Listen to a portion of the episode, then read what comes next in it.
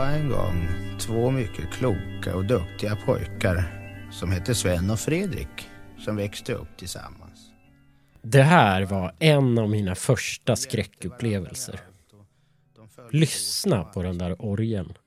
Den lämnar R i själen på små barn.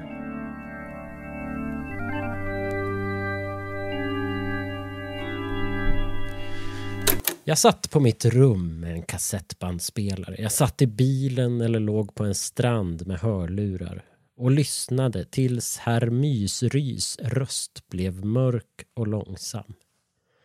Nu när det bara är dagar kvar till halloween vill jag prata om själva skräcken. Vad den är, var den kommer ifrån och vad som skrämmer mig och dig. För om det är något som är subjektivt så är det våra rädslor. Och de styr i mångt och mycket vår skräcksmak. Det finns några filmer som jag fortfarande faktiskt skräms av som jag tycker är läskiga. Jag har destillerat ner dem till The Blair Witch Project, The Witch, Paranormal Activity och The Autopsy of Jane Doe. Vad har de gemensamt förutom att jag pratat om dem här i podden? Jo, samtliga av dem innefattar okultism. I tre av dem är det okulta specificerat till häxor och i två av dem befinner vi oss i, eller väldigt nära, en skog. Jag älskar att vara i skogen. Jag känner mig trygg där och omhändertagen men mellan träden, bortom gatlyktor och mänsklig närhet finns också något annat. Något som är mycket större än vår värld något uråldrigt som inte bryr sig om mänskliga uppfattningar om rätt och fel.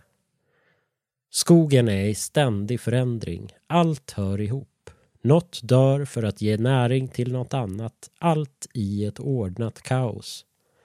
Skogen är transformation. Skogen är alkemi. Skogen är okultism. Och en häxa som bor där är i allra högsta grad en del av den ordningen. Jag ramlade på internet över ett kandidatarbete från 2013. Skräckens många ansikten, människans rädslor och skräckfilmen som filmgenre av Fanny Hagberg och Simon Björnfot. Där intervjuas bland andra Anna Arnman, doktor i filmvetenskap. Hon får frågan vad skräck innebär för oss människor och svarar Det handlar alltid om döden, rädsla för döden och att mista någon. Det handlar också om vår medvetenhet att vi ska dö, vilket vi hela tiden bearbetar, vårt slutdatum. Hade vi inte vetat att vi ska dö tror jag inte att skräck hade varit så stort. Arnman säger också att var och ens skräck grundar sig i vad vi har i vårt bagage. Det är därför den ser olika ut för olika människor. Det kanske säger sig självt, men det är inte desto mindre intressant för var och en av oss. Det finns en poäng att lära känna sin egen skräck och möta den. För många upplever att skräckfilm kan fungera renande, att man till och med kan använda skräck som självterapi. Vi tappar kontrollen över våra känslor för en stund, men på ett väldigt tryggt sätt. Vi kan ju som sagt stänga av filmen. Men oftast gör vi inte det. Och när vi kommer ut på andra sidan känner vi oss stärkta och renade. Skräckfilm finns för att chocka, skrämma och utsätta oss för något okänt.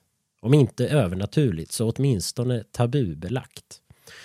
Men som bekant räcker det ju inte med en rad jump scares och några lite blod för att göra en bra skräckfilm. Nej, utan något som helst trovärdighet blir vi inte skrämda.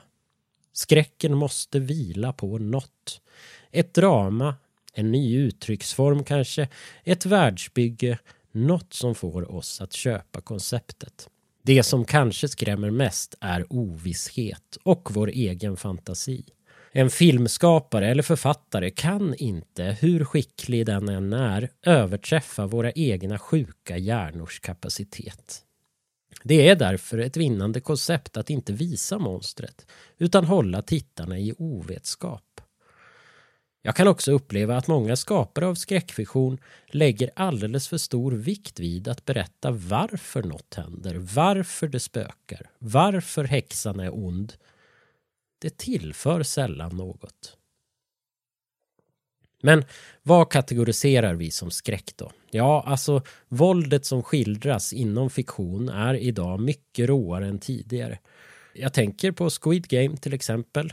Nog vill den egentligen skrämma oss med allt blod, alla sår och all meningslös död. Eller den danska Netflix-serien Kastanjemannen som verkligen spelar på slasher-genrens upplägg och spänning. Offren binds upp på ett sätt som påminner om mordet på en av vakterna i När lammen tystnar. Ni vet han som bands upp på Hannibal Lecters bur med uppskuren bål och armarna i ett slags Kristuspås. En passus bara, men det mordet har ju faktiskt varit otroligt stilbildande. Det där har vi sett i oerhört många filmer sedan dess. Men tillbaka till offren i Kastanjemannen. Deras händer och fötter huggs av och ögonen petas ut. Det är grovt. Och så ser också mycket av den samtida krimlitteraturen ut. Den är grov, morden är värre, ondskan är ondare. Gråzonen mellan thriller och skräck har funnits länge. Om inte annat ligger just När lammen tystnar där mittemellan och velar. Kanske är väldigt många idag rädda för att utsättas för grova våldsbrott. Det skulle också i så fall kunna förklara true crime-genrens ofantliga framgång. Jag är uppvuxen med en vägg av träd utanför fönstret.